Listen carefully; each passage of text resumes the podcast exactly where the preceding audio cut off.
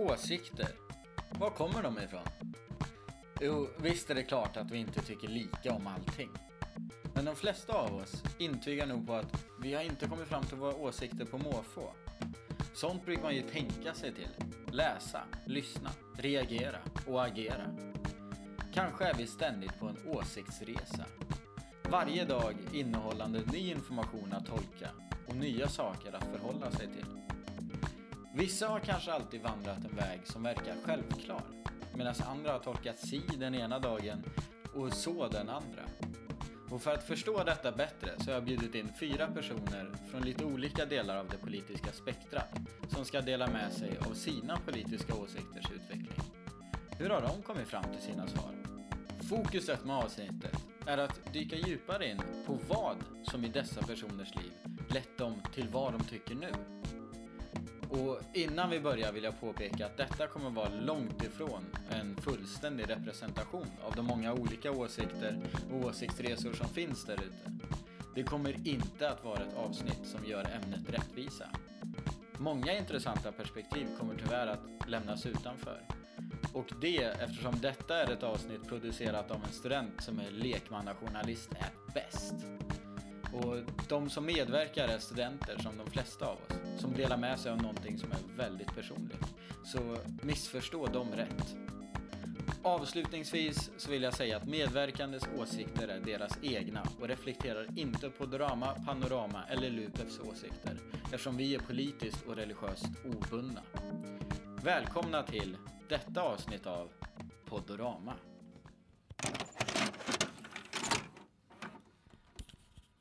Jag sitter nu med Samar från eh, Konservativa förbundet Lund. Skulle du säga att du har extrema eller på annat sätt ovanliga politiska åsikter? Extrema? Ja, alltså det beror ju på kanske vem man frågar. Eh, men jag skulle nog säga ändå att jag eh, är väldigt religionskritisk. Ehm, och det kanske inte låter så kontroversiellt när man säger det så i och med att Sverige ändå är ett väldigt sekulärt land. Eh, men däremot när jag kommer till att jag är väldigt islamkritisk eh, då upplever jag ändå att det upprör ganska många människor och i vissa fall även människor som kanske inte är praktiserande muslimer själva. Ehm, men eh, ja, nej men det jag menar när jag säger att jag är islamkritisk är väl att jag kanske ställer mig väldigt kritisk till islam som religion och ideologi. Ehm, jag är väldigt kritisk till eh, Koranen och dess läror och jag är överlag ganska kritisk till stora delar av den muslimska kulturen. Ehm, så, men jag upplever ändå att eh, ja, eh, det finns ett väldigt Alltså islam försvaras väldigt mycket i samhället och varje försök att liksom rikta kritik mot den religionen blir avfärdat som islamofobi, vad det nu är, eller rasism, som om det skulle ha med eh, rasism att göra. Um, jag är liksom inte intresserad av hur enskilda muslimer liksom, eh, hur de lever sitt liv eller vilka personliga övertygelser de har så länge inte det skadar andra utan det är mer um, det är mer religionen då och ideologin som jag eh, är väldigt kritisk till.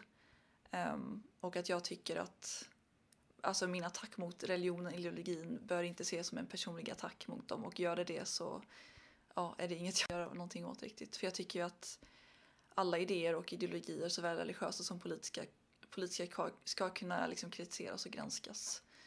Um, och att det är liksom en, ett uttryck för en grundläggande demokratisk uh, frihet att få yttra sig om det. Liksom.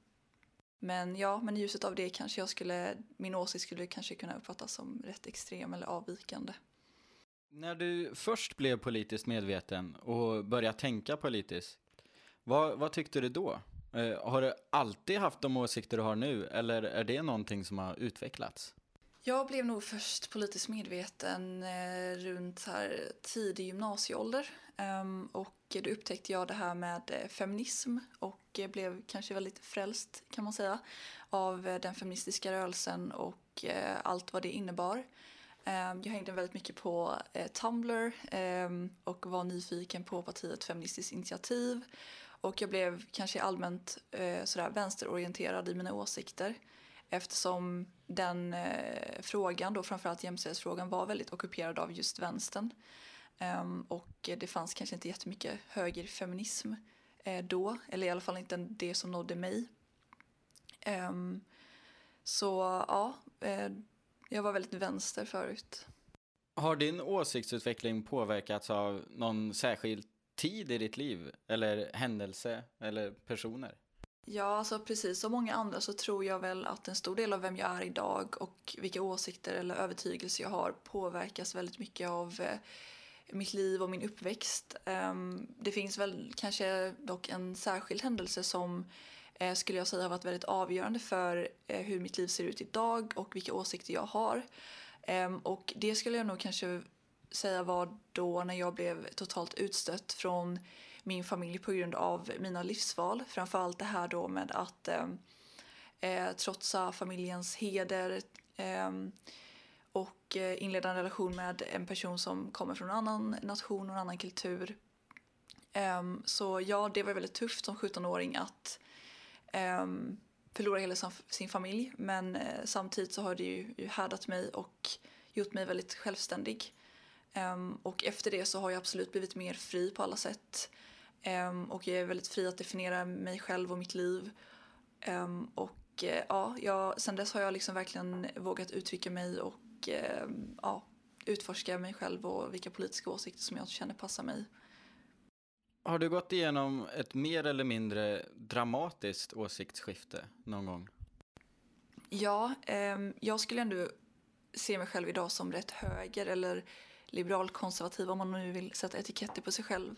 Ehm, och som jag sa tidigare då så var jag ju vänster innan och att gå från vänster till höger kan ju ändå uppfattas som rätt dramatiskt.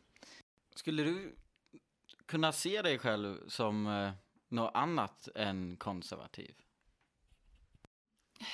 Ja, eh, alltså jag känner ändå att jag i dagsläget är jag väldigt trygg i mina åsikter och eh, där jag är liksom helt enkelt idag. Eh, men jag känner fortfarande att jag är ganska öppen för att, eh, alltså jag är tillräckligt öppen för att pröva olika idéer. Och eh, jag vill väl kanske aldrig egentligen låsa mig fast i någon etikett eller sådär utan att vara öppensinnad och våga gå utanför en sån här komfortzon liksom. Ehm, så ja, jag vet inte men ja, det är inte omöjligt att man kanske ändra sig i framtiden eller så. Men eh, mm. Eh, jag blir lite intresserad också av eh, när, när har du något konkret liksom sen när du stötte på eh, de, de konservativa tankegångarna och idéerna? Och var det, var det liksom så här eh, en milstolpe i din åsiktsbildning eller var det eh, kanske någonting du har upptäckt över tid? Så absolut att det har varit en eh, liksom lång process och ingenting som skett över natt. Ehm, och jag känner väl att eh, jag, jag, när jag började röra mig från så allt har egentligen sin utgångspunkt i feminismen då. Som jag, och jag var väldigt starkt feministisk och väldigt så här vänsterfeminist. Och när jag började röra mig från det av olika skäl så kände jag mig att jag, att jag började liksom dras mer åt högerkanten också samtidigt då. Eh, och upptäcka deras syn på saker och ting. Så jag, från att gå från att vara mer vänsterorienterad till, upptäckte jag mer högerorienterade åsikter och kände väl att kanske jag passade mer i de kretsarna och i och de perspektiven passade mig mycket bättre. Um, jag kände liksom inte att um, nej jag vet inte. Um, alltså det är väl lite det här med, om man får komma in på det, men lite det här med att Anledningen till kanske att, att man var så vänster tidigare var för att man kände liksom att eh, det förväntades av en. Det fanns väl kanske vissa politiska eller kulturella förväntningar på en att som kvinna och som invandrare att vara vänster. Men jag upptäckte väl att när jag började röra mig mer åt höger att man kanske fick reaktioner på det eller att man blev eh, helt plötsligt blev man privilegierad enligt vissa då eller att man hade så internaliserat sitt rasistiska förtryck. Och jag kände helt enkelt att när jag liksom gick mer åt det konservativa hållet, att det var mycket mer fritt och öppet att eh, bilda mina åsikter som en fri individ och inte känna att jag behöver anpassa mig till vissa åsikter bara för att jag delar typ demografiska likheter med de personerna liksom. Um, ja, det är väl det. Och sen är det ju också lite det här med att jag har väldigt, alltså det är ju rätt kul egentligen när, man, när jag säger att jag är konservativ och egentligen kommer jag från en väldigt religiös och konservativ miljö och så har jag ändå blivit konservativ. Um, och det, för mig är det inte riktigt samma sak. Jag är inte religiöst konservativ överhuvudtaget. Uh, och jag tar ju ändå avstånd från allt det där liksom. Men jag känner ändå att jag har vissa konservativa liksom personliga övertygelser som jag kanske inte alltid vill se att det ska bli lag eller att politiken ska följa det utan att det är bara mina egna personliga övertygelser. Samtidigt som jag också är liberal i vissa åsikter, personliga åsikter men kan se att politiken behöver nog ta ett mer konservativt eh, ställningstagande för att det gynnar liksom samhället och så. Um, så till exempel om man går in på abortfrågan så personligen kanske jag är mer pro-life men jag skulle inte vilja se en lag som tvingar på kvinnor någonting. Alltså I grund och botten tycker jag väl att det är varje kvinnas egna rätt att bestämma själv. Liksom. Um, så jag, ja, jag är liberal konservativ i det att vissa personliga övertygelser kan vara liberala och andra kan vara konservativa samtidigt som vissa politiska åsikter är konservativa och andra är liberala. Så jag ser väl en kompromiss mellan de två. Ja, jag ser inte det som motsättningar direkt heller, att vara liberal och konservativ. Jag sitter nu med Esaias, medlem och aktivist genom Marxistiska studenter i Lund samt eh, Revolution. Eh, ja, jag heter Esaias. Jag är aktiv i Revolution. Ehm, eh, som, eh, och marxistiska studenter som är studenter i Lund, Umeå, Stockholm och Uppsala och Göteborg. Eh, och jag ska berätta lite om ja, eh, min politiska resa till att bli marxist. Ehm, och det är ju många, ofta man får höra ju att ja, marxismens idéer är inte lite för gammalt, inte relevant idag. Eh, jag skulle säga tvärtom. Allt mer folk, särskilt ungdomar, eh, inser kapitalismens eh, brister. Eh, från de ständiga nedskärningar i Sverige och runt om världen, det enorma fattigdom och ojämlikhet världen över till miljöfrågan. Där ju eh, slagorden för klimatdemonstrationer har varit eh, systemförändring, inte klimatförändring. Um, och det här är ju av eh, ja, eh, innan pandemin, den största katastrof eh, i kapitalismens historia sedan andra världskriget. Eh, som var inte undviklig, eh, att det skulle leda till den här katastrofen. Men vad vi ser framför oss är att de rikare blir bara rikare eh, på bekostnaden av vanligt folk. Ehm, även om vi har tillåtit företag, givit företag miljarder i olika stödåtgärder, så vi massarbetslöshet eller arbetslöshet världen över. Eh, och pengar som måste betalas tillbaka i framtiden. Nu självklart, alla de här människorna är ju inte marxister.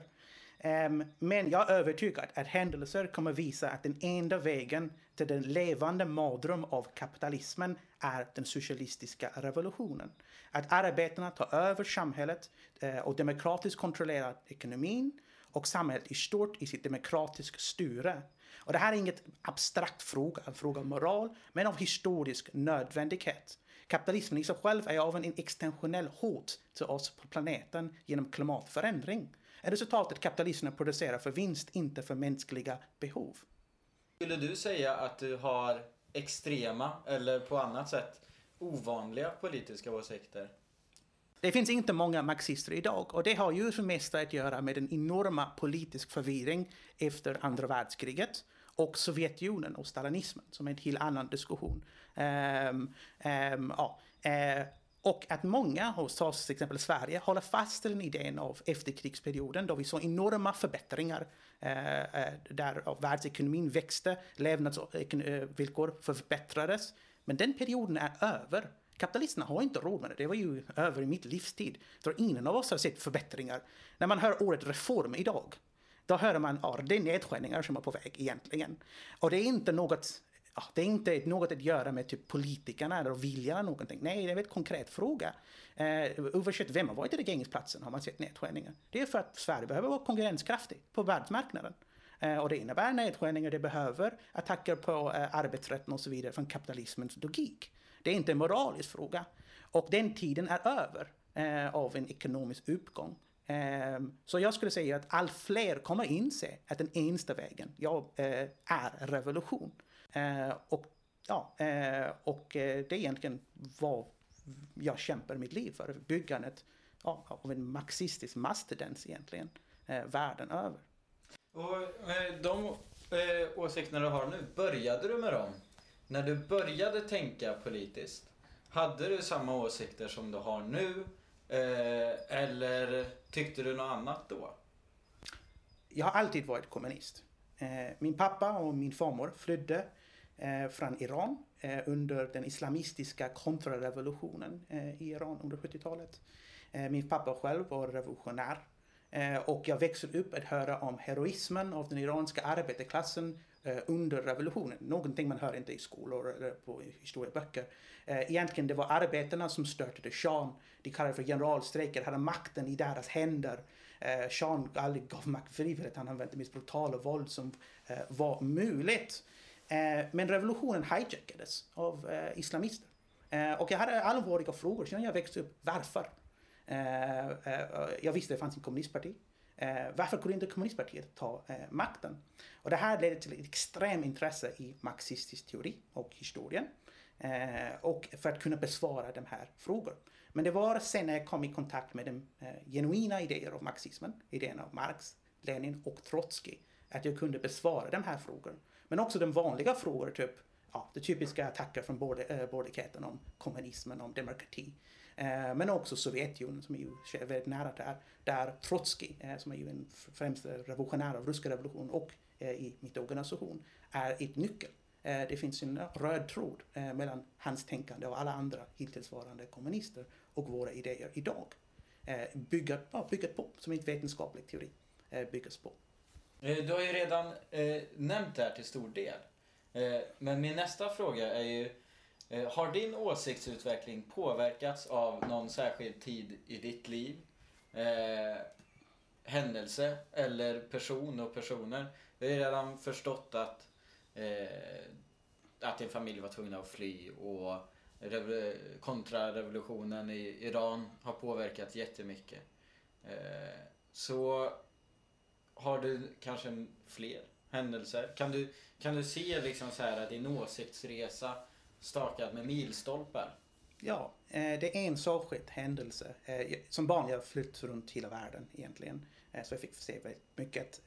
Och en särskild internationell händelse, krisen 2008-2010, hade ett enorm påverkan på mig. Ehm, det jag kan säga var spiken i kisten för mig i allt de här borgerliga idéer om slutet av historien. Kapitalismen är det enda systemet som kan ge framväxt. Men ja, vad krisen visade var ju att kapitalismen är en kroniskt sjukt system. Eh, det, vi talar inte bara om eh, konsekvenser för tredje världen som var enorm eh, då, men också länder som Grekland, Frankrike eller Storbritannien där levnadsvillkoren helt rasades ner. Eh, topp Storbritannien, eh, bara över havet. Eh, de har sett den största fall i levnadsvillkor sedan 1815 eh, på grund av den här krisen. Och jag var redan marxist eller kommunist i det här fallet, så jag visste att det här är inget slump. Det är inte fråga om något abstrakt girighet eller någonting av individer. Nej, det är en systematisk fråga. Eh, egentligen vi ser en upprepning av det här idag. Och hand i hand med det här, det ekonomiska, kom det politiska. För kapitalisterna behövde tvinga arbetarna att betala för allt det här. Eh, och man såg öppet revolutioner. Man gör arabvåren, eh, ja, revolutioner i Egypten, Tunisien, Libyen och Syrien.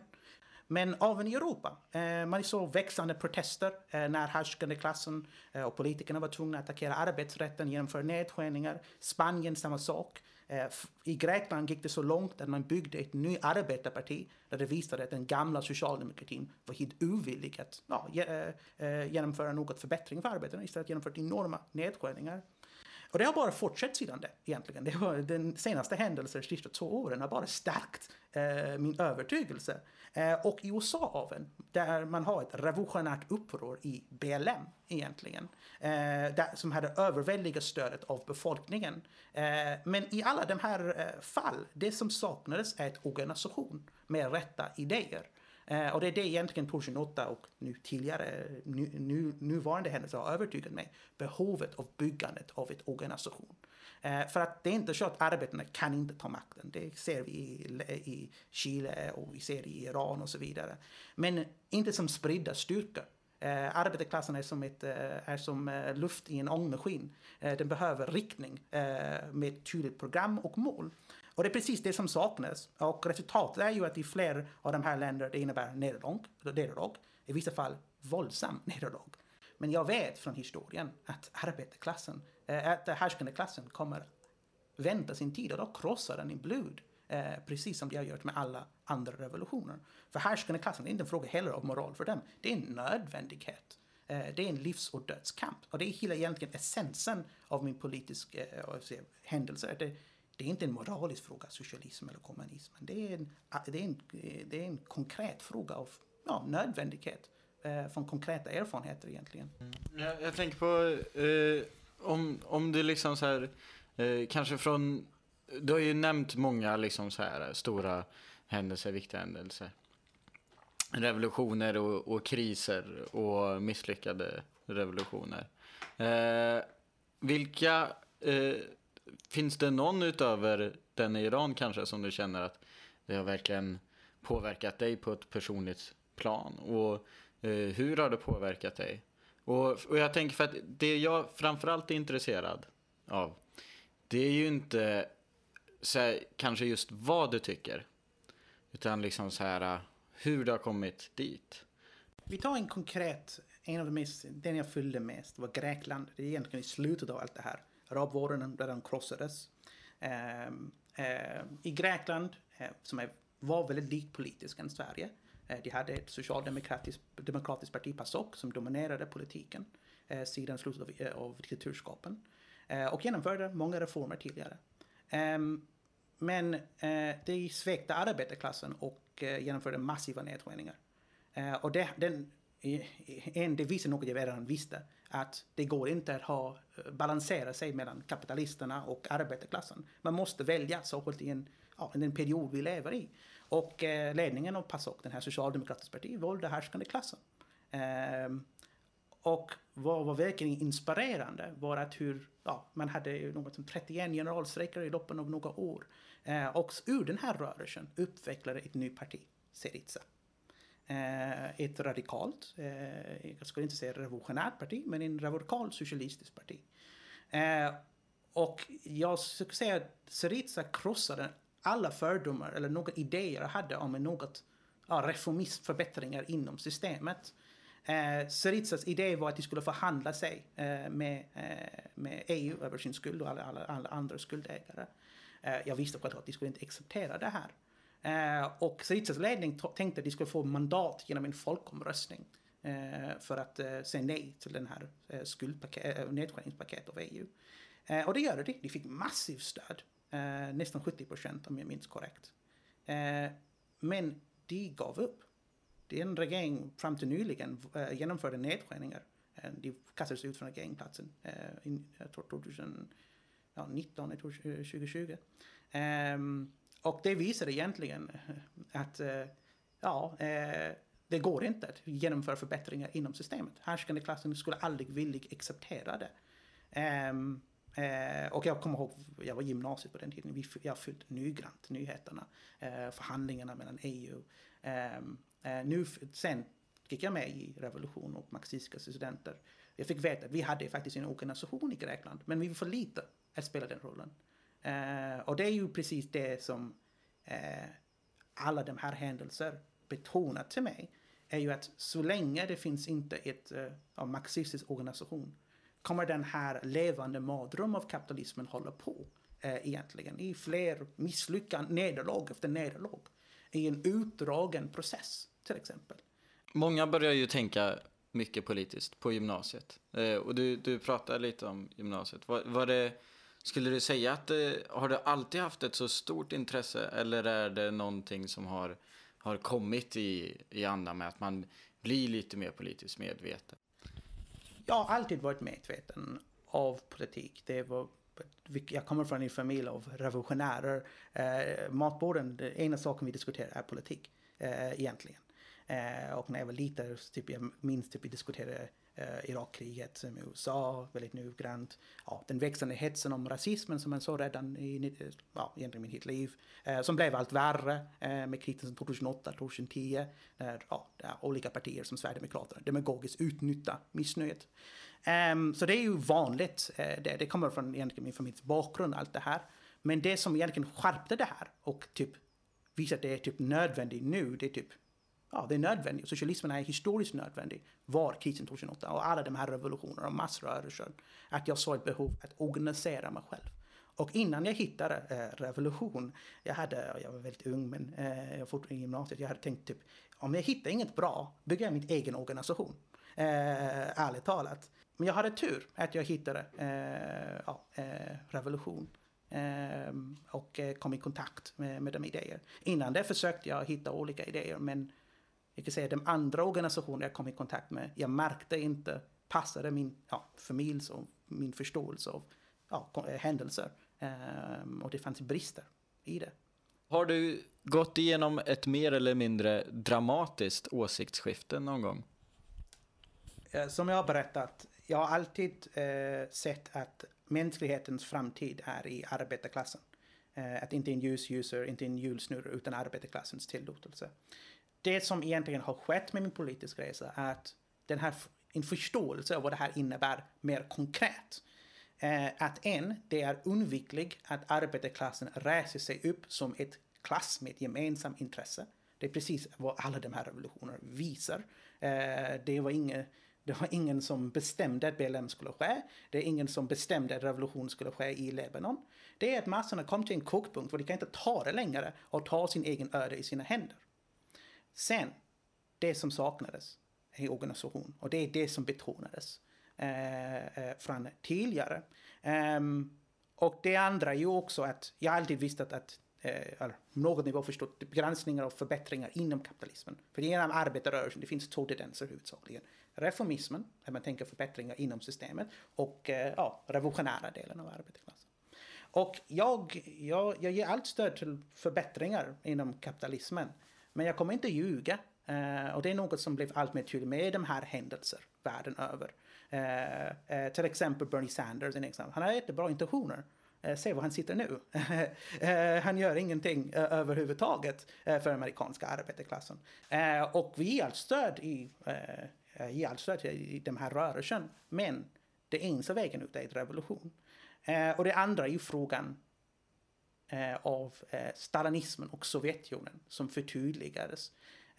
det, vi, det jag eh, fick förstå är ju att Sovjetunionen var ett karaktär av socialismen. Det var inte socialismen, det finns likheter med en karaktär.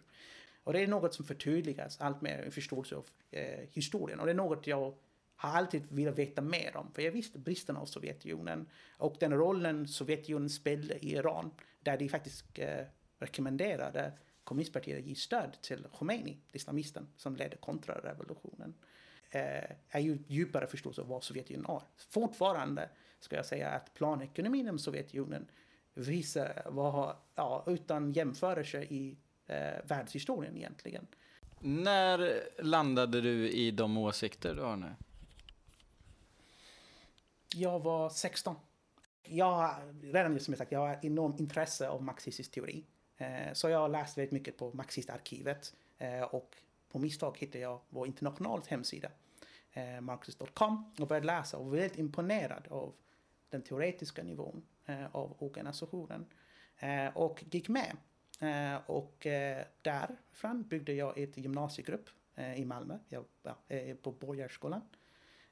och ja, så småningom tog studenten och gjorde samma sak här med marxistiska studenter tillsammans med en annan kamrat som pluggar också här. Vad skulle du säga, vilka värderingar tror du har varit mest drivande för dig?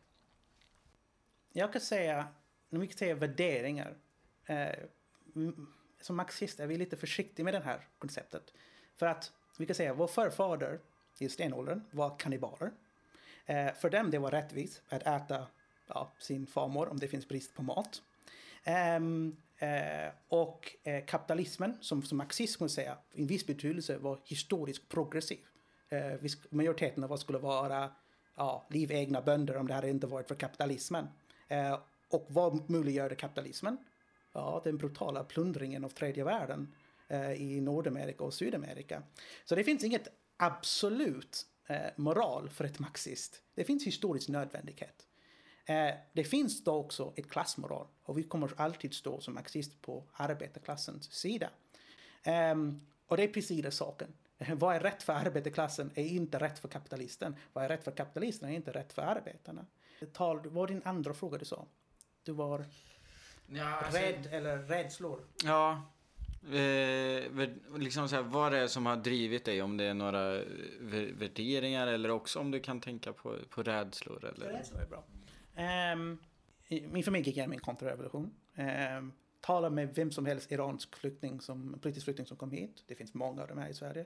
Det kan kanske nämna fåtal med, äh, familjemedlemmar som blev dödade i kontrarevolutionen eller under revolutionen. Eh, revolution är inget lek kan vi säga väldigt sagt. Eh, det är ett allvarlig fråga, ett seriös fråga, men en historisk nödvändighet. Och vi har redan sett, eh, vi har redan gått igenom två vågor av revolutioner de sista tio åren. Problemet är i längden, det, det finns inget slut eh, egentligen på det. Eh, eller och arbetarklassen segrar i längden. Eller kapitalismen kan alltid tvinga arbetarklassen i ja, den värsta förhållande. Så länge eh, ja, eh, det finns inget organisation som kan vinna arbetarklassen. Eh, och det här kan bli ett eh, ja, väldigt utdragen och våldsamt sätt. Och man har redan sett det här i Sverige. Eh, nu eh, delvis med ja, eh, eh, den växande politiska krisen med uppkomsten av Sverigedemokraterna. Nu till skillnad från resten av vänstern, jag säger inte Sverigedemokraterna är fascister. Det är demagoger som utnyttjar missnöjet i samhället eh, med olika lögner. Men eh, visst, det är ett rädsla att om Sverigedemokraterna kommer till makten, det kommer innebära enorma nedskärningar och en enorm hets mot invandrare. Eh, redan som vi har sett i andra europeiska eh, länder. Um, men samtidigt, vad ger mig egentligen mod i det allt det här är ju att arbetarklassen är bättre ställt än någonsin. Eh, arbetarklassen är ju den största klassen eh, i samhället. Och när jag säger arbetare, det är alla som lever på en lön egentligen. Eh, som har en motsättande intresse till den lilla procenten som äger eh, kapital. Ehm, och det är en enorm styrka eh, egentligen.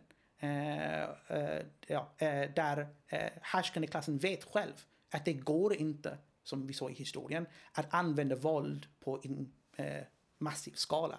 Ta till exempel BLM, perfekt exempel. Trump, en, en politisk galning som härskande klassen i USA själv gillar inte, för de kunde inte kontrollera honom. Ja, han skickade nationella gardet. Vad hände det? Han, de kastade bara bensin på elden. Demonstrationerna blev större och större. Och härskande klassen visste det här.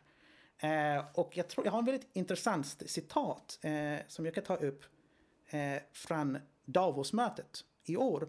Eh, att om inte vi tar åtgärder till den djupa ruttnade problemen i våra samhällen och ekonomier kommer risken öka för våldsamma chocker eh, som konflikter och till och med revolutioner. Det ser skriften i muren. Eh, men det här kan fortsätta för ja, så länge de vill egentligen. Skulle du... Tror du att du någonsin skulle kunna se dig själv som annat än eh, marxist-socialist? Nej.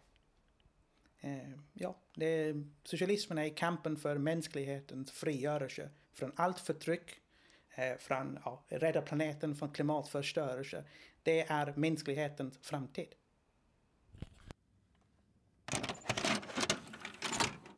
Med mig nu har jag Hanna, som till skillnad från andra deltagare inte representerar någon specifik organisation, men som i likhet med de andra har ett starkt aktivistiskt engagemang.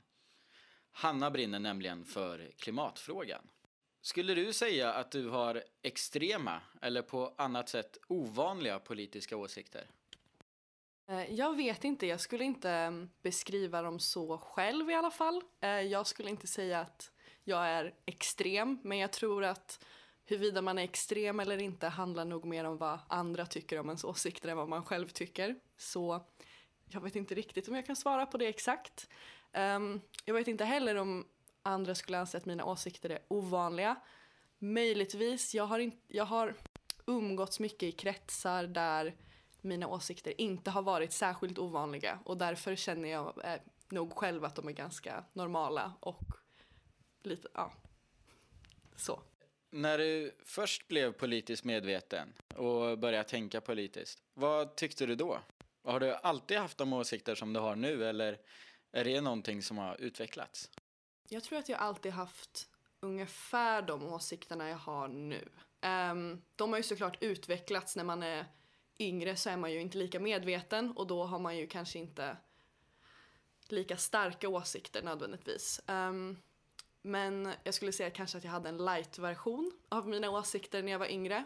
Um, och sen så runt 18 skulle jag säga att jag började bli politiskt medveten på riktigt och liksom intresserad och engagerad i politik på riktigt. Um, och jag skulle inte säga att... Jag, kan, mm, jag var nog mer arg då än vad jag är idag. Eh, jag har nog landat lite mer i mina åsikter och hantera dem på ett lite bättre sätt. Det är svårt att gå igenom ett politiskt uppvaknande liksom oftast. För oftast leder det till någon typ av ilska med hur världen ser ut eller någon typ av förtvivlan kring hur världen ser ut och särskilt kanske när det politiska uppvaknandet relaterar mycket till klimatkrisen liksom. Um, så jag tror att jag var, runt tiden jag blev politiskt medveten så var jag nog väldigt arg. Mer än förut och mer än nu också. Så har den här åsiktsutvecklingen påverkats av någon särskild tid i ditt liv eller ja, händelse eller personer? Eh, min mamma har definitivt varit en del i att forma eh, mina politiska åsikter. Hon är ju hon är forskare, hon forskar inom ja, klimatområdet med matsvinn och förpackningar. Och hon var även politiskt aktiv när jag var yngre så jag var på kommun, kommunfullmäktigemöten när jag var ett spädbarn liksom. Jag växte upp på kommunmöten. och um, både liksom det och att min mamma alltid har varit väldigt tydlig med vad hon tycker hemma har ju format hela min uppväxt liksom. Vilket är varför jag skulle säga att jag alltid haft ungefär de åsikterna jag har idag liksom. Um, men sen blev det mer under, under klimatet, under gymnasiet så hittar man ju fler mer likasinnade och då blev jag mer klimat, klimatmedveten och ville engagera mig mer. Um, och då var väl det väldigt formativt att jag efter studenten bestämde mig för att gå med i Greenpeace. Och då var jag väldigt aktiv där uh, ett tag. Um, vilket var väldigt formativt, gjorde mig väldigt arg.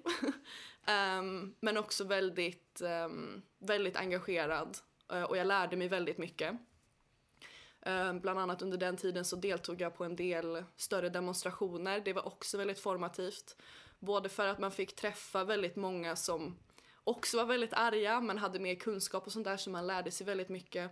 Och för att man liksom fick möta den riktiga världen lite grann på ett annat sätt än när man snackar med sina gymnasiekompisar. Så att vara ute på stora demonstrationer i Tyskland som jag var i då liksom med massa främmande människor och att man kommer i um, stora möten med poliser och sånt där och en väldigt um, en väldigt aggressivt motstånd mot det man själv kanske tidigare har varit lite barnsligt inställd till. Att bara, det, här är, det här är bra, det här är kul, det är klart, vi ska förändra världen, woo! Och sen så möter man en väldigt aggressiv verklighet liksom. Det var också väldigt formativt. Um, och jag skulle även säga att min åsi mina åsikter har påverkats en del det senaste året efter eh, att Black Lives Matter-rörelsen tog jättemycket fart förra våren. Det har verkligen hjälpt med min intersektionella analys på mina politiska åsikter och eh, jag började också plugga mänskliga rättigheter i höstas vilket också definitivt har um, hjälpt till att eh, få mina åsikter att formas efter hur samhället ser ut och lite så här. Bli helt enkelt mer medveten av kontexten som mina åsikter existerar i och gjort mig mer säker på vad jag tycker och jag har lärt mig väldigt mycket det senaste året också så det har definitivt också varit formativt. Har liksom så här eh, det här åsikts skiftet eller snarare liksom så här den här eh, solidifieringen mm. av dina åsikter. Har det liksom skett dramatiskt eller har det varit en mjuk process? Um, jag skulle säga att det nog inte har varit särskilt dramatiskt utan att det har liksom gradvis pushats framåt. Eh, ibland, i så min, ibland lite liksom eh, i små steg åt gången och ibland så har det kommit i större steg, absolut. Um, men jag skulle nog inte säga att det har känts särskilt dramatiskt för mig i alla fall. Ehm, jag har inte, det har inte skett någon vänstersväng i mina åsikter riktigt någonstans. Även innan um, ja, men förra året och sånt där så, var ju, så, var man ju, så hade jag ju liksom ungefär samma åsikter som jag har nu bara att nu är de lite mer um, direkta och tydliga och jag vet varför jag har åsikterna lite mer. Eh, så här, byggt en bättre grund för varför jag tycker som jag gör och sånt där. Men det har aldrig känts som att det har kommit eh, plötsligt eller dramatiskt riktigt. Det är, man, man, jag fattar ju på dig som att liksom så här... Eh, när dina åsikter utvecklas och när de kanske eh, blir mer eh, solida eller så, så, så händer det liksom så här under eh, perioder med liksom så här, som du säger med Black Lives Matter, det, det gav verkligen fart till eh, din åsiktsbildning. Mm. Vad, vad är det i de här perioderna eh, tror du som driver din åsiktsutveckling? Uh, vad intressant. Um, jag tror att det är bara att helt enkelt få upp ögonen mer för resten utav världen.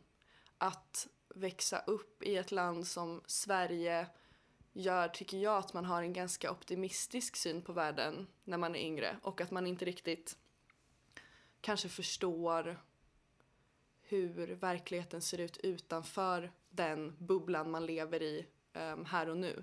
Så jag skulle säga att de perioderna har präglats av att jag har sett nya saker och hört nya grejer som liksom det är klart att man kanske har hört dem förut men som all, inte riktigt sjunkit in på det sättet. Det skulle jag säga i tiden när jag blev aktiv i Greenpeace och eh, aktiv i klimatfrågan för första gången. Att det också präglades av en, en förståelse som inte hade drabbat mig tidigare. Um, en så här bara känsla av att wow, det här, har, det här är ett så mycket större problem än vad jag riktigt kunde greppa tidigare. Jag tror att det kommer tider när man också är mogen för att ta till sig uh, världen på ett annat sätt än vad man var när man var yngre också. Um, och att man då har, kommer, att det kommer stora grejer samtidigt. Uh, både för att man är mogen för det och för att man faktiskt har blivit lite intresserad så man börjar göra research själv och börjar läsa och bli mer och mer intresserad och det blir ju en snowball-effekt liksom att ju mer intresserad man är desto mer läser man och sen helt plötsligt så har man massa ny kunskap som ju påverkar vad man tycker. Tror du att du skulle kunna se dig själv som något annat än miljökämpe någon gång?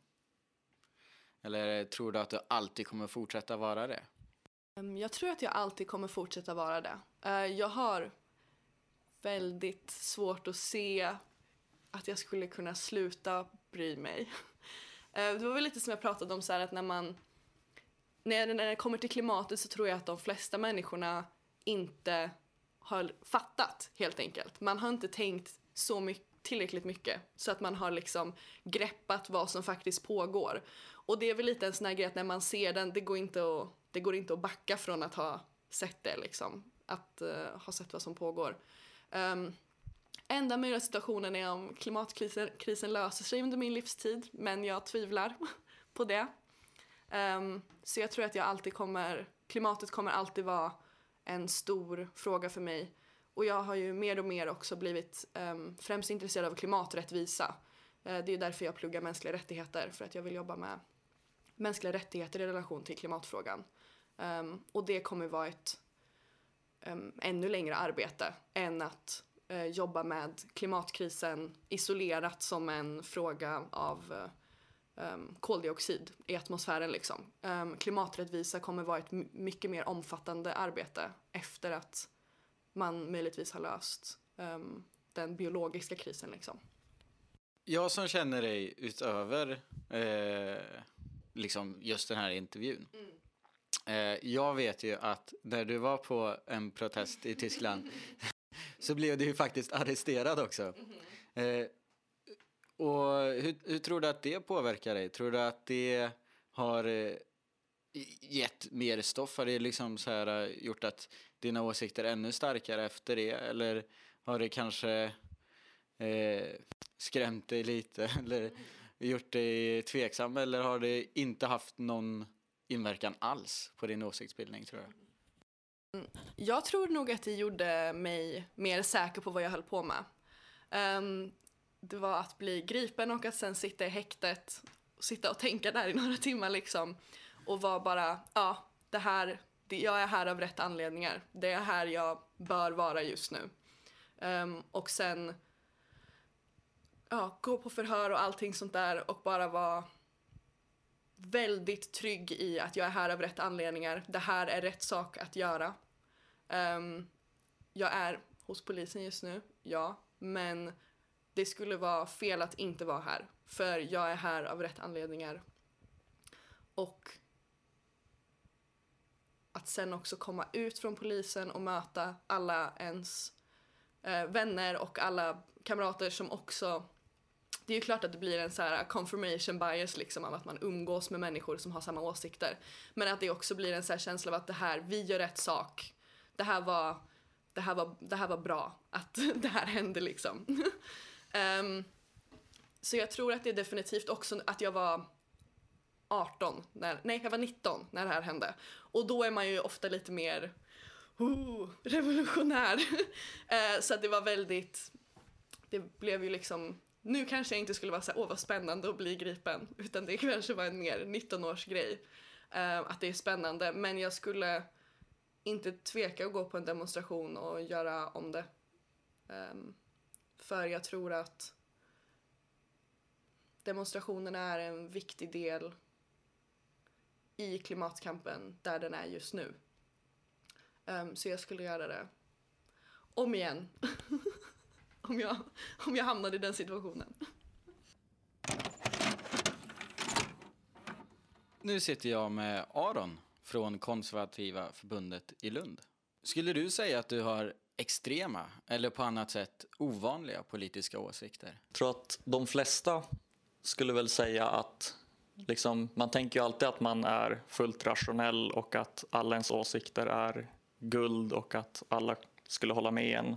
Eh, och då brukar man inte tänka sig att de är extrema på något vis. Eh, så jag känner inte själv att någon av mina åsikter är extrema. Eh, däremot kanske när man eh, yttrar sina åsikter så får man en motreaktion mot dem som då skulle kanske antyda på att de var det. Men jag själv känner att